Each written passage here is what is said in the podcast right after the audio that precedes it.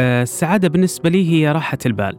لما تصحى الصباح آه، ما في شيء يعني شاغل آه، بالك فأنت كذا حتكون سعيد بقية يومك. كمان لما تنام وما في شيء يعني يسبب لك أرق من هم وغيره فأعتقد أنه هذه هي السعادة. السعادة بالنسبة لإلي هي التوازن بالحياة بين كل المجالات اللي بحب أحقق حالي فيهم فأكون ناجحة بشغلي وبنفس الوقت ناجحة بعلاقاتي الاجتماعية وناجحة مع عائلتي يعني ناجحة بكل قادرة أوازن بين كل المجالات قد ما بقدر. السعادة بالنسبة لي هي شقين الشق المادي والعملي والشق العائلي. بأول آه، نقطة إنه واحد بيكون مرتاح باله بشغله وماديا بيكون عنده سعادة ومكتفي وبالشق العائلي بيكون في عنده comfort zone اللي هي العائلة وال آه، القصص اللي بحصلها من ال... من هيدي المحبة والجمعة تبع العائلة فبحس حاله سعيد.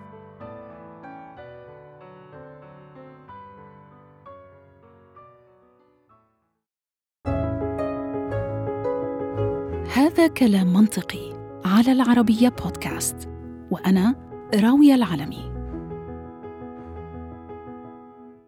حياة وردية وسعيدة هي في الأغلب حلم كل إنسان. والوصول إلى حالة الرضا سواء كان عن حياتنا الماضية أو الحالية أو حتى القادمة يمكن تكون محيرة وصعبة لكنها مش مستحيلة.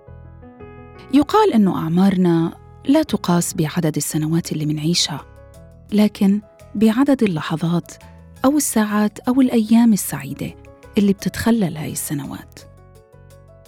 مفهوم السعادة ممكن يتغير من وقت لآخر وبين شخص لآخر أو حتى لنفس الشخص ممكن يكون مفهوم السعادة مختلف لما يكون في بداية حياته أو في منتصفها أو في نهايتها. فللسعادة تعريف مختلف من زمن لآخر وحتى من مجتمع لآخر وفرد لآخر كمان. ولهذا تعب واختلف العلماء والأطباء على حد سواء منذ سنين في تعريف السعادة. فممكن إنسانة بتعتبر النجاح العملي هو هدفها وفي بتتحقق سعادتها بينما شخص آخر ممكن يشوف إنه دفء العائلة كفيل بإذابة جليد بل حتى جلد مطحنتنا اليومية بين اللي لازم نعمله واللي بدنا نعمله. وممكن يكون في شخص آخر بيآمن إنه الشهرة أو جمع المال كفيل بتحقيق هذا الشعور اللي كلنا منلهث وراءه. بينما البعض الآخر بيعرفها بإنها إيجاد شريك للحياة بيعيننا على تحمل أعبائنا. وللأمانة كل ما سبق هو طيف من أطياف عديدة لهذا الهدف الوجودي والغريزي فينا وهو تحقيق السعادة.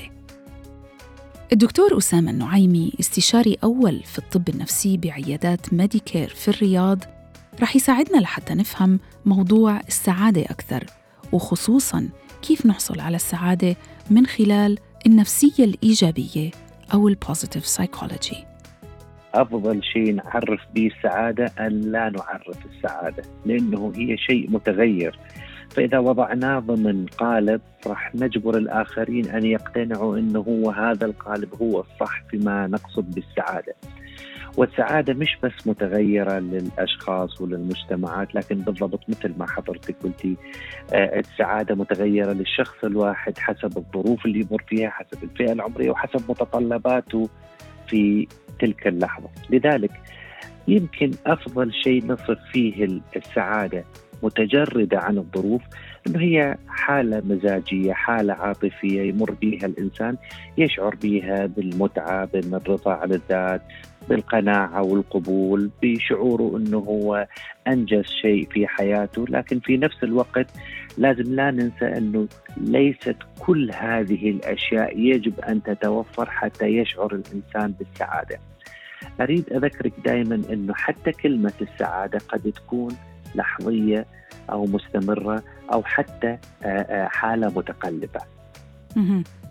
يمكن مصطلح الرضا بيكون أكثر آه، مناسبة هون؟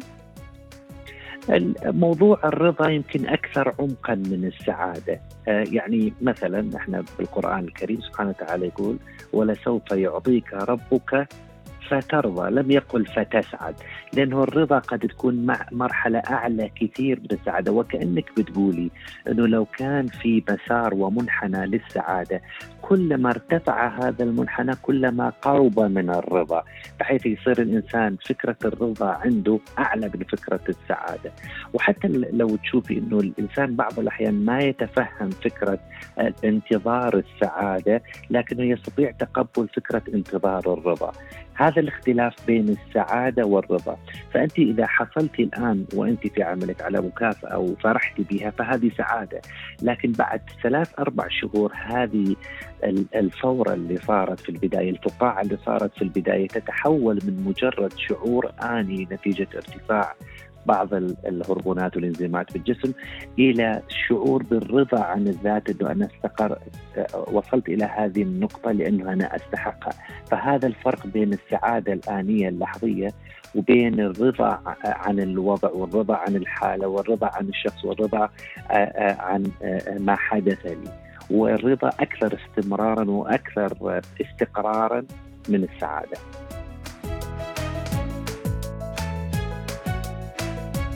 ولأنه تعريف السعادة تحدي مش هين أبداً. اهتدى الفلاسفة والباحثين عبر السنين لتقسيم الفكرة لتصورين أو فرعين رئيسيين. الفرع الأول يسمى هيدونيا بينما الفرع الثاني يسمى يوديمونيا. وكل العلماء بيقترحوا إنه كل أشكال السعادة تقع إما في النوع الأول أو في النوع الثاني. إذا على شو بيحتوي مبدأ الهيدونيا واليوديمونيا؟ خلونا نبدأ بالهيدونيا. هو منظور للسعادة اللحظية. مفاده إنه الهدف من الحياة اللي منحياها هو إنه نختبر أقصى قدر ممكن من التجارب الممتعة الآنية بأقل درجة من الألم. وهون تنطبق مقولة إنه حياتنا بتنقاس بلحظات السعادة فقط.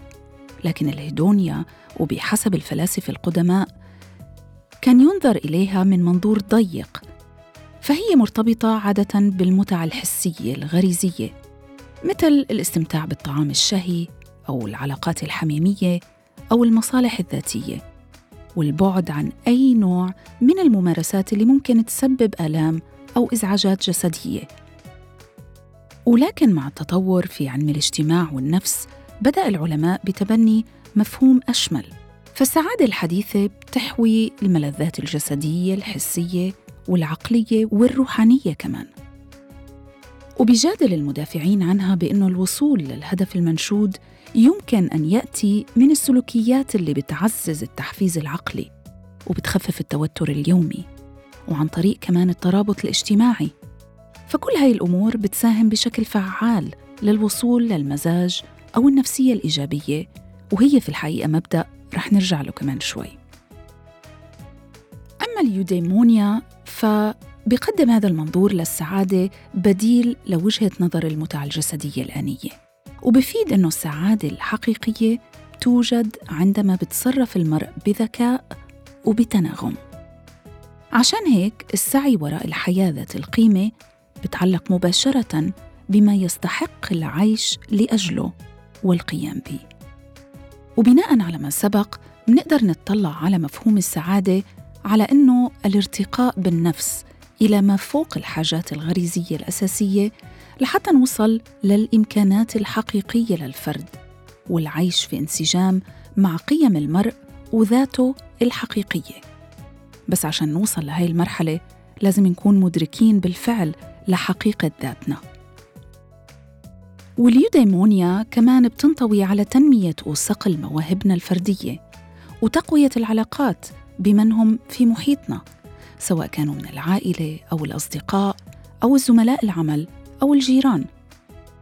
وإذا ما تبنينا هذا المنظور فإنه الشعور بالمتعة ما رح بالضرورة يؤدي إلى حالة من السعادة أو الرفاهية. وبالمثل فإنه الأشياء اللي بتستحق بالفعل إنه نقوم فيها مش بالضرورة تشعرنا بالمتعة أثناء القيام فيها. فمثلا التطوع لتنظيف شاطئ أو الحي اللي بنسكنه. بالفعل هو يبدو هدف نبيل ونتائجه وفوائده رح تعود علينا. لكن قضاء ساعات تحت أشعة الشمس وإحنا عم ننظف والتعرق المستمر والتعب ما رح يشعر الفرد بالمتعة اللحظية إذا ما كان هو بينشد سعادة الهيدونيا. لكنه رح يوصلنا لليوديمونيا للسعادة المنشودة لأنه رح يشعرهم بالتواصل مع القيم اللي بيؤمنوا فيها وبيعيشوا عشانها. أول ما بدأ الموضوع كان عند فلاسفة الإغريق وكانوا يقولوا إنه السعادة ليست وجه واحد وحالة مزاجية ليست مستمرة أو مستقرة بل في هنالك أنواع كثيرة من السعادة. الهيدونيا وعكسها الآن هيدونيا الهيدونيا هي حالة الرغبة في الاستمرار بالقيام بشيء يحقق لي سعادة آنية. يعني مثل ما قلتي إنه أروح للسينما وأجتمع مع أصحابي وأشرب لي فنجان قهوة وأكل لي لقمة حلوة وأقابل الشخص اللي أحبه أو احصل على بعض الرش لما أمر في لعبة معينة ولما فريقي يفوز. وهذه كلها هي آنية صح لها تأثير على الذاكرة ولها تأثير على التركيب الفسلجي للانسان لكنها تختفي تدريجيا. أما النوع الثاني اللي هو ال eudaimonia هذا آه، يعني آه، حتى حتى هو ترجمته إنه the good life الحياة الحلوة، فهذا يتكلم عن حالة مستدامة من الرضا عن الذات، حالة من مستدامة من الرضا عن الوضع اللي أنا فيه، من القناعة بأنني وصلت إلى النقطة اللي أستطيع أن اصل لها، ولذلك هذول الأشخاص دائما تجديهم حتى على المستوى الفسلجي مناعتهم أحسن وصحتهم أحسن نشاطهم أحسن قبولهم حتى للتغيرات اللي تصير. حتى لو كانت تغيرات سلبية قبولهم منطقي ويستطيعوا ان يتعاملوا مع آه، آه، آه، قدرتهم على التغير والمطاوعة في وجود أي متغيرات في حياتهم أكثر بكثير من الأشخاص الآخرين لأن هم عندهم خزين كافي من المشاعر والتجارب اللي تخليهم ما يتأثروا بمعاكسات الحياة بظروف غير محسوبة بأخبار ما كانوا متوقعيها. والتركيز الفلاسفة على هذا الدرجة من السعادة كان لإقناع الآخرين مش بس للتجرد من السعادة الآنية بس أيضا لمحاولة البحث عن شيء أكبر من مجرد الحصول على لقمة طيبة وعلاقة طيبة ومتعة طيبة بس أكثر لتنمية شعور الرضا عن الذات والأعمال التطوعية والتضحية والفداء والقناعة وحتى التأمل واليوغا وهذه الأشياء.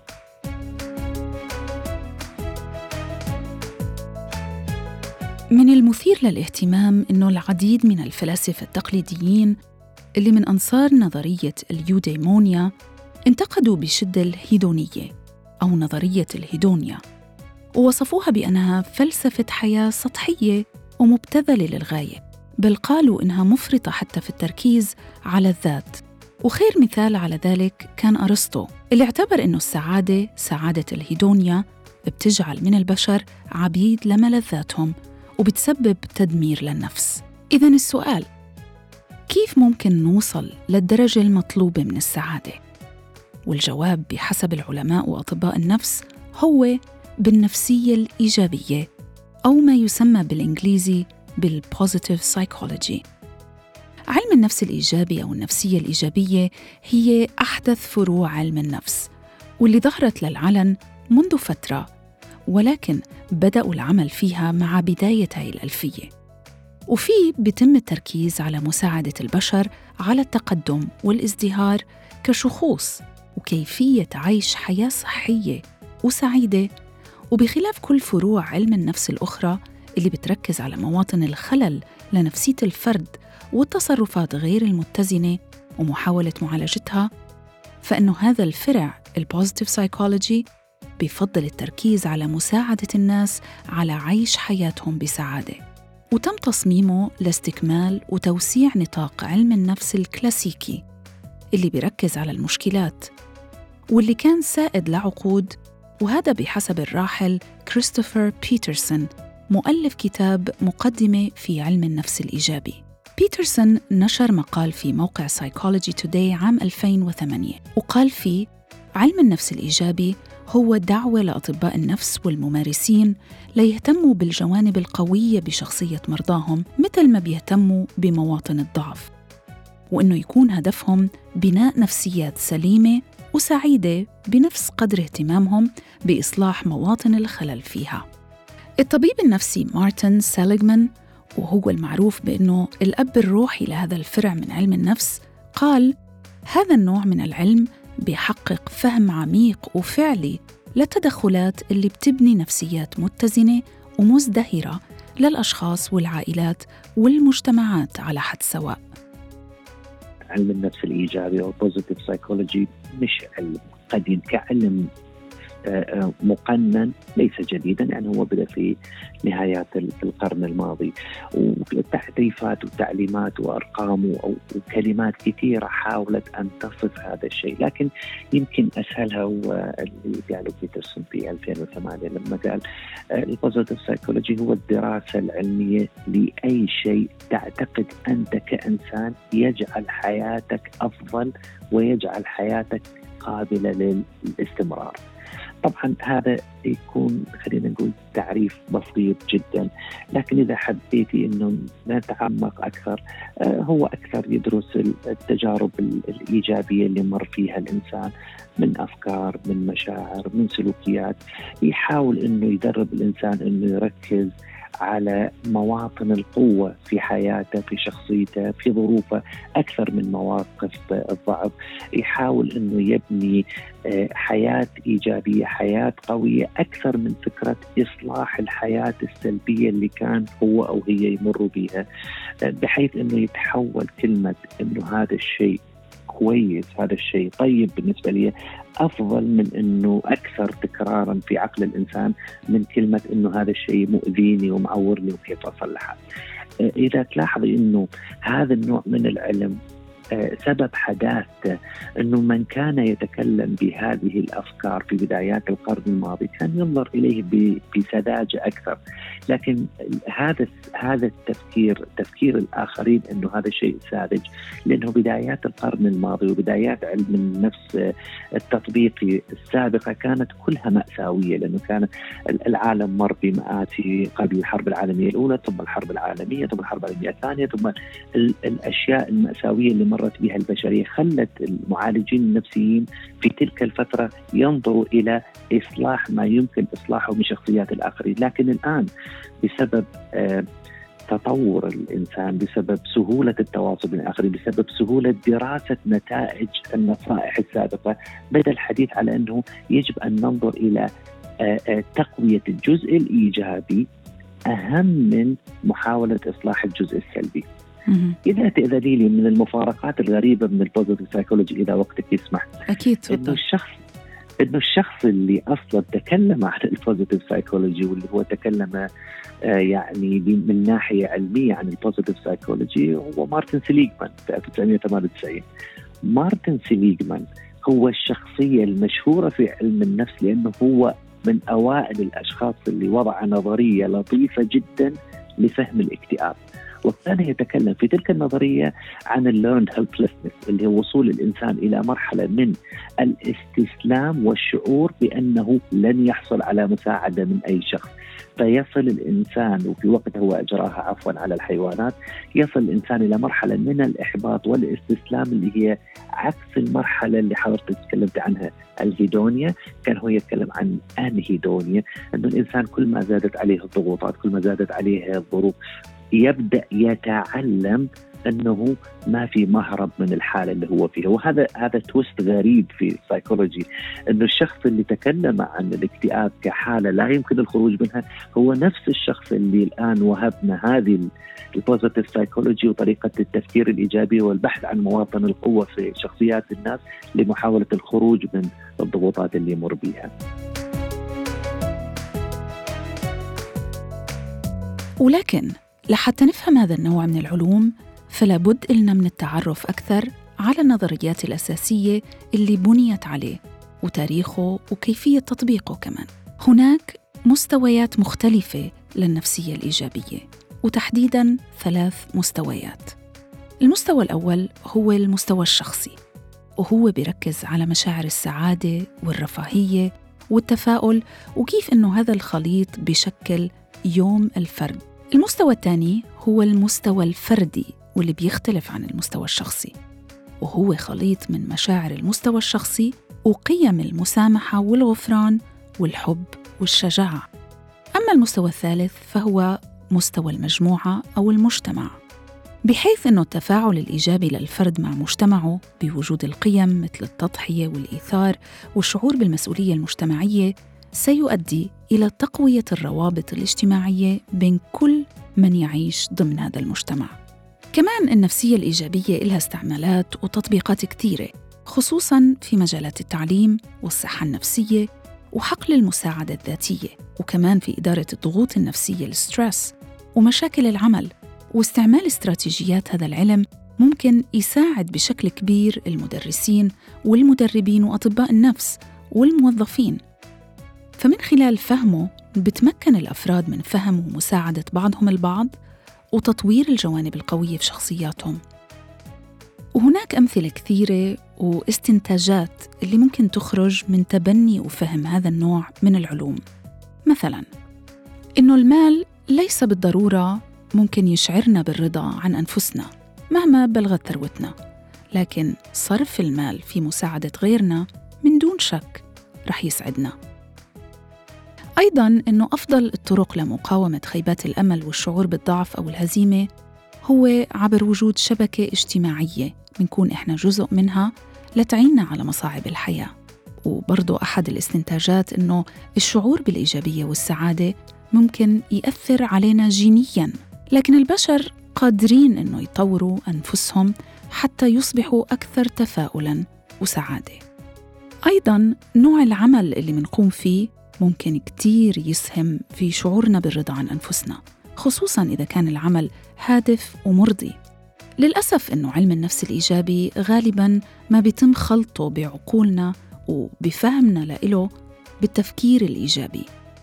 ومنسيء فهمه بالنظر إليه كنوع من أنواع تكتيكات علوم المساعدة الذاتية بدل ما ننظر له على أنه من النظريات المدعومة علمياً وبحثياً. فالتفكير الإيجابي هو طريقة تفكير داخلية نحو تصرف أكثر اتزاناً ومرونة أكبر بدل من الانتقال إلى إطار عقلي مختلف وهو اللي بيقدمه هذا النوع من العلم ال positive psychology اللي بيركز على السلوكيات اللي بتوصل الإنسان لإطار ذهني محسن وأكثر فاعلية.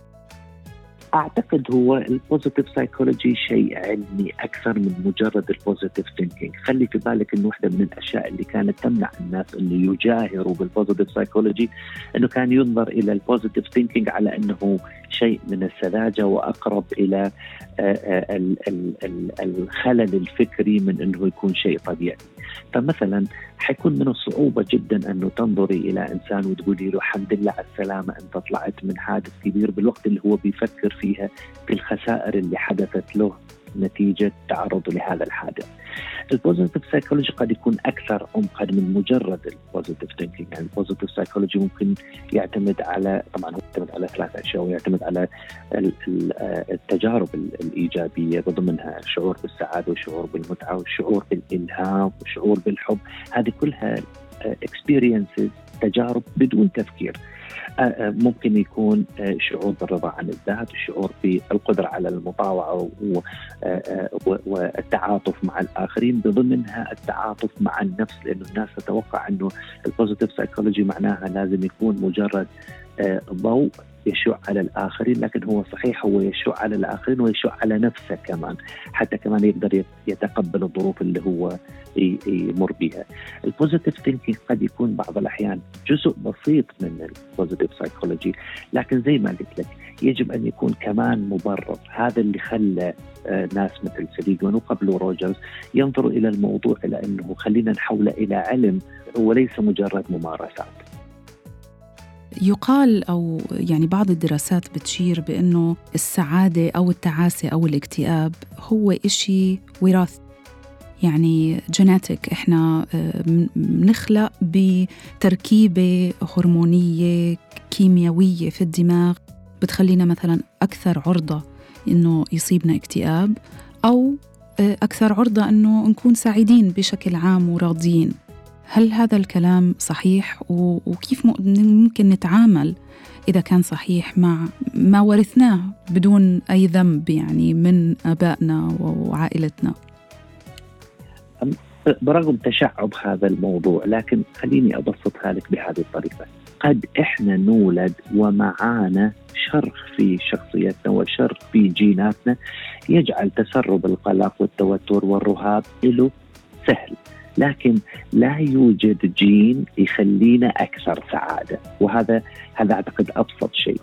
السعادة حالة مزاجية حالة عاطفية حالة عقلية أما آنية أو مستمرة تعتمد مش بس على الإنسان نفسه على تركيبته على صحته بل على الظروف المحيطة به ونفس الشيء يقال ترى عن معظم الأمراض النفسية. يعني الإنسان آه، قد يحمل في دواخله آه، جينات ورثها من والديه أو نتيجة شيء معين حدث خلال فترة تكونه الجنيني أو خلال ولادته، لكن بدون ما تتوفر الظروف المناسبة سواء ظروف ضاغطة أو ظروف فقدان أو تعرضه لمثلا تعاطي أشياء أو لأشياء أنت تعتقدي إنه هي مرعبة. بدون وجود هذه الأشياء قد تمر حياته كاملة دون أن يشعر بالقلق والتوتر. فهي الأمر مزيج من أنا أتكلم عن القلق والتوتر والاكتئاب مزيج بين استعدادنا الجيني وبين الظروف المحيطة وكأنه إحنا نقول دفني ونطيح. أما بالنسبة للسعادة فلا لم يع لم يعلم إنه في مكون جيني يقول أنت أسعد من غيرك. غياب المكون يزيد الاكتئاب. ما في شيء يقول في وفرة من المكون. أحب إنه أنا شو هو هذا المكون؟ هل هي يعني مواد كيماوية أو هرمونات نعم. معينة نعم. بمستويات معينة موجودة في الدماغ؟ نعم. سبحانه وتعالى يقول أنا كل شيء أنزلناه بقدر. العقل البشري الآن ينظر إلى مكونات موصلات عصبية سيروتونين ال norepinephrine ال acetylcholine ال GABA ويعتقد والدوبامين. يعتقد إنه حالة التوازن بين هذه المكونات بينها وبين بعض وبينها وبين مكان ومكان آخر هي ما يوصل الإنسان لحالة الاستقرار النفسي اللي إحنا نسميها الرضا عن الذات. مع الأسف نتيجة ضغوط معينة أو اضطراب جيني أو تعرض لظروف أو حتى لتعاطي مواد هذا البالانس كله إنا كل شيء أنزلناه بقدر يختفي. فتبدأ تظهر على الإنسان أشياء آه، آه، عواقبها طويلة الأمد وتحتاج كثير من الصبر والتفاعل وكثير من الإرشاد والتوجيه آه، من الرياضة من الغذاء غير الدواء. لحظة أنا ما جبت سيرة الدواء. من الرياضة من الغذاء من التأمل من الصلاة من اليوغا من وضعه في على خط طريق يوصل إلى بعض الأهداف عشان يرجع إلى حالة التوازن اللي كان فيها. دكتور في بعض الثقافات ويعني اللي بتمارس مثلا اليوغا والمديتيشن بتتحدث عن إنه السعادة الواحد بيلاقيها في لحظته الحالية. يعني إذا بيكون مشغول بالتفكير في الماضي أو القلق بشأن المستقبل ما رح يكون سعيد. وبإنه كل الممارسات مثل اليوغا والمديتيشن اللي بتخلينا نركز على لحظتنا الحالية هي أقصر طريق لهي السعادة. شو رأي, شو رأي العلم بهذا الموضوع؟ الكلام جدا صحيح وجدا منطقي. آه، آه، الآن جزء من جزء كبير من العلاج النفسي يتجه إلى ال mindfulness وال mindfulness يتجه أكثر إلى النظر إلى اللحظة الآنية إلى المحيط الآني أكثر من النظر إلى الماضي إذا كان محزنا أو المستقبل إذا كان موترا. فيحاول يقنع الإنسان أن اللحظة اللي أنت فيها الآن أنت تستطيع السيطرة عليها. فأنت في مرحلة الاسترخاء في مرحلة التأمل أنت في مرحلة التفكير الإيجابي أنت في مرحلة التركيز على ذاتك وليس على الآخرين. أنت في سيطرة أنت لديك سيطرة كاملة على المحيط اللي أنت مسيطر عليه. فهذا يشعرك بالرضا عن الذات بالأمان بتحقيق الأهداف وأكيد يشعرك بالسعادة. لكن لو أنت في نفس هذه اللحظة سمحت لأفكار سلبية كانت طاردك من الماضي أنه تدخل في تفكيرك أو سمحت لأفكار توترك عن المستقبل عن ما سيحدث في الغد. كل هذا راح يخليك تشعر أما بالقلق والتوتر من جهة أو بالاكتئاب من الجهه الثانية. اللطافة في الأمر إنه الناس اللي آه، آه، درست هذه الأشياء اكتشفت إنه تأثيراتها طويلة الامد يعني. وأنا بكلمك أنا بقول لك عن اللحظة وهي اللحظة مش الثواني أو الدقائق اللي أنت بتسوي فيها ال mindfulness أو ال meditation أو اليوغا. تأثيرها على الجسم من الناحية حتى الكيميائية حتى من ناحية المناعة طويل الأمد. لأنه الإنسان يصل إلى مرحلة من التوازن الكيميائي الداخلي والتوازن الهرموني الداخلي غير التوازن العاطفي وغير التوازن الفكري وغير التوازن النفسي هذا الشيء تستطيع أن تقيسيه بنفسك بما يثبت إنه هذه الأشياء صحيحة وواقعية ونتائجها ملموسة. الإشكالية وين؟ أنه الوصول إلى هذه النقطة يحتاج إلى تدريب أكثر وبسبب أنه الدنيا الآن كلها سريعة وهذا السبب اللي تلاقي الناس ترمي تليفون آه، آه، فيه 4 جي بي ذاكرة عشوائية عشان تأخذ تليفون ثاني فيه 6 إلى 8 ذاكرة لأنه الإنسان الآن يشعر أن الوقت ما يمديه ولازم يخلص كل شيء في نفس الوقت الناس ما تصبر على ال meditation ما تصبر على اليوغا ما تصبر على ال mindfulness تتجه إلى أما العلاج الدوائي أو إلى أساليب أخرى عشان تتخلص من حالة القلق والتوتر والاكتئاب اللي هي فيه. ال positive psychology هل في مثلا أو هل بتقدر دكتور تعطي pointers هيك نقاط معينة بعض الممارسات اللي أي شخص عم بيسمعنا بيقدر إنه يطبقها عشان يحس بالتحسن أو يحط إجره على أول الطريق في سبيل الوصول لحياة أسعد وأكثر رضا.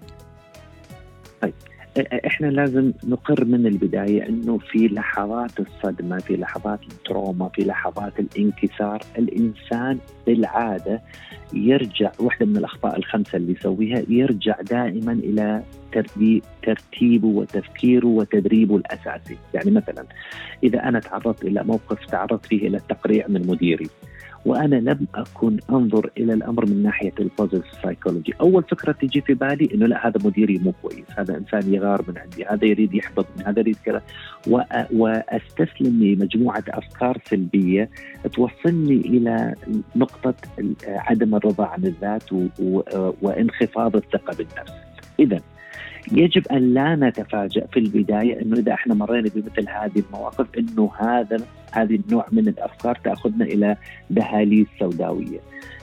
التدريب راح يصير من هذه النقطة وما يليها إنه أول ما أنا أمر في هذه التجارب يجب أن أنظر إلى هل في إيجابيات لهذا الموضوع بتجرد يعني إذا أنا مريت بتجربة إنه أنا فقدت عملي، هل مريت بتجربة مشابهة فقدت فيها عملي بحيث إذا وصلت إلى مكان أفضل وأبدأ أذكر نفسي إنه فقدان العمل ليست نهاية الأمر وان لازم أنا أفكر بالأشياء الإيجابية وقد تكون هذه فرصة لي أن أبحث عن مكان أكثر مناسبة لي وإن كان مديري بأفكاري وبتدريبي هذا المدير مو كويس ودائما يغار من عندي ويخاف إنه أنا آخذ مكانه، اذا أنا ابتعدت عن مصدر كبير للضغط والتوتر فأحاول إنه أبحث عن عمل آخر يكون فيه آه، مدير أفضل وإدارة أفضل وقدرة آه، آه، ومساحة أكثر لي عشان إنه أنا أظهر الإيجابيات اللي أنا جبتها معي، نفس الشيء يصير في الانفصال ونفس الشيء اسم الله يصير في لما نفقد شخص. عزيز إذا إحنا ظلينا نركز على أنه فقدان هذا الشخص هو شرخ كبير في شخصيتي قد يكون فقدان نفس هذا الشخص سواء بالانفصال أو بالرحيل أو والله بالوفاة قد تكون فرصة لنا أنه نختبر نفسنا بدون تأثير هذول الأشخاص نحاول أن نبحث عن أشخاص آخرين نتخلص من القيود اللي كانت مفروضة عنا في وجود هؤلاء الأشخاص. بل بعض الأحيان تعطينا فرصة أنه نحن نثبت لنفسنا أنه الفترة اللي إحنا مرينا فيها وكنا نلوم نفسنا على بقائنا في مثل هذه العلاقات الآن إحنا متجردين من هذه العلاقات فيجب أن نحاول أن نبني ما نظن أن العلاقة هي كسبب خلي في بالك أنه إحنا شعورنا بالرضا عن أنفسنا وشعورنا السعادة وشعورنا بالامتنان وبالتعاطف مع الآخرين وبالرضا عن الذات مترابطة مع بعض. هذا واحد من الأشياء الكبيرة اللي يسويها ال positive psychology أن ال positive psychology لا ينظر إلى السعادة على أنه هي مكون واحد. هو ينظر لها على أنه هي مكونات كثيرة. يعني مش لأنه أنا عندي وظيفة كويسة معناها أنه أنا سعيد. هو ينظر إلى أنه أنا عندي وظيفة عندي عائلة تحبني عندي أشخاص مهمين عندي صحتي عندي مجال أنه أتحرك في العالم لدي احترام للذات محافظ على وزن. هذه الأشياء كلها. أقوم بالرياضة أمارس التأمل أصلي إلى إلى ربي. كل هذه الأشياء ينظر لها كمكونات للسعادة. فإذا أشعر أحد الأشخاص أنه مكون معين بدأ يتلاشى لسبب أو لآخر خلي يحاول قبل ما يفكر باللي فقده يحاول يفكر يعزز المكونات الأخرى عشان تغطي غياب واختفاء هذاك المكون. أنا أعتقد أنه ال positive psychology وال mindfulness مش مجرد علاج لمعاناة نفسية. ما أريد أقول مرض نفسي. ال mindfulness وال positive psychology أسلوب حياة. فإذا لم نستطع أن ننظر إلى أشياء إيجابية في كل الأشياء اللي إحنا محيطة بنا فهذا معناها إحنا في عندنا خلل وإنه إحنا للآن متوقفين في المنطقة اللي كنا نشعر فيها في الألم. آه، الإنسان اللي يطبق ال positive psychology يستطيع بين فترة وثانية أن يتسامى حتى عن السعادة الآنية، فإذا كان مثلا هو راضي في علاقته مع زوجته، إذا هو كان راضي في وظيفته، ده تلاقي هذا الإنسان يمتنع عن أخذ الرشوة مثلا أو يمتنع عن الخيانة لأنه يعتقد أنه ما وصل له من رضا آه، بالذات ورضا عن العلاقة ورضا عن الحالة العقلية والفكرية والعاطفية اللي هو فيها أكثر بكثير من أي سعادة انيه، هذا مش معناها إنه هو ما راح يسوق السيارة بسرعة، لا طبعا حيسوق السيارة بسرعة بين فترة وثانية، لكن ما راح يشعر بنفس السعادة إذا كان يشعر إنه هذه السعادة الآنية تهدد حالة الرضا اللي هو فيها. حقيقة بحثي انتهى عند هاي النقطة ولكن حبيت أني أترككم بطريقة أكثر إيجابية. فحاولت البحث عن توصيات بتساعدنا على أنه نكون أكثر إيجابية في حياتنا. شيء يمكن يحسن من الأسلوب اللي منحيا في حياتنا اليومية. وعلى الرغم من صعوبات البحث وجدت كتاب بيناقش نفس هذا الموضوع. الكتاب اسمه The Happiness Advantage وكاتبه اسمه شون أكر. وبالرغم من أنه الكتاب بيركز على النفسية الإيجابية تحديداً في إطار العمل أو الوظيفة إلا أنه وجدت أنه توصياته وحتى الكاتب بيقول أنه هاي التوصيات يمكن أن تطبق على حياتنا خارج بيئة العمل. أهم هاي التوصيات أولاً ميزة السعادة. الكاتب بيقول بأنه العقل والتفكير والنفسية الإيجابية بتملك ميزة بيولوجية على العقول المحايدة أو السلبية.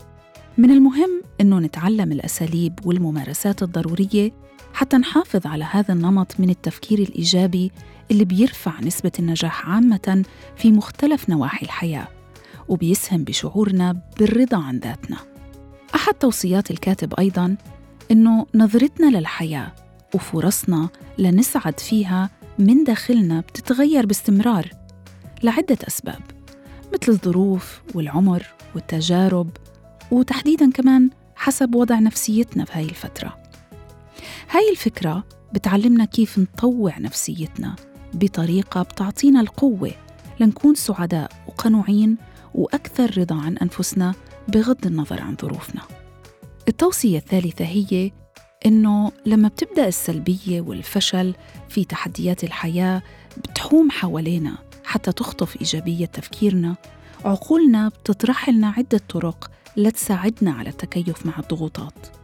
وعلينا أنه نتعلم الطرق المطلوبة مش بس عشان نتجنب الوقوع كفريسة للاكتئاب ولكن عشان نخليها ترشدنا للحفاظ على إيجابيتنا والاستفادة من هاي الظروف المحبطة. آخر هاي التوصيات إنه لما منواجه المشاكل عادة فهي بتغرقنا وبتغرق عقولنا ونفسيتنا وبنصبح إحنا رهينة لمشاعرنا.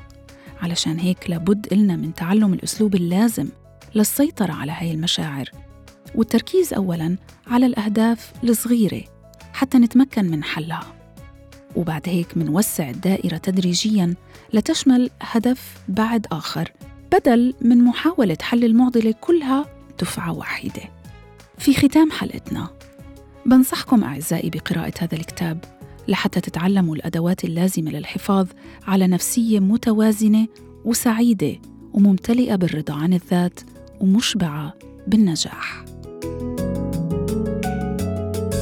هذا كلام منطقي على العربية بودكاست وأنا راوية العلمي أشكركم ودمتم دائما بإيجابية بإذن الله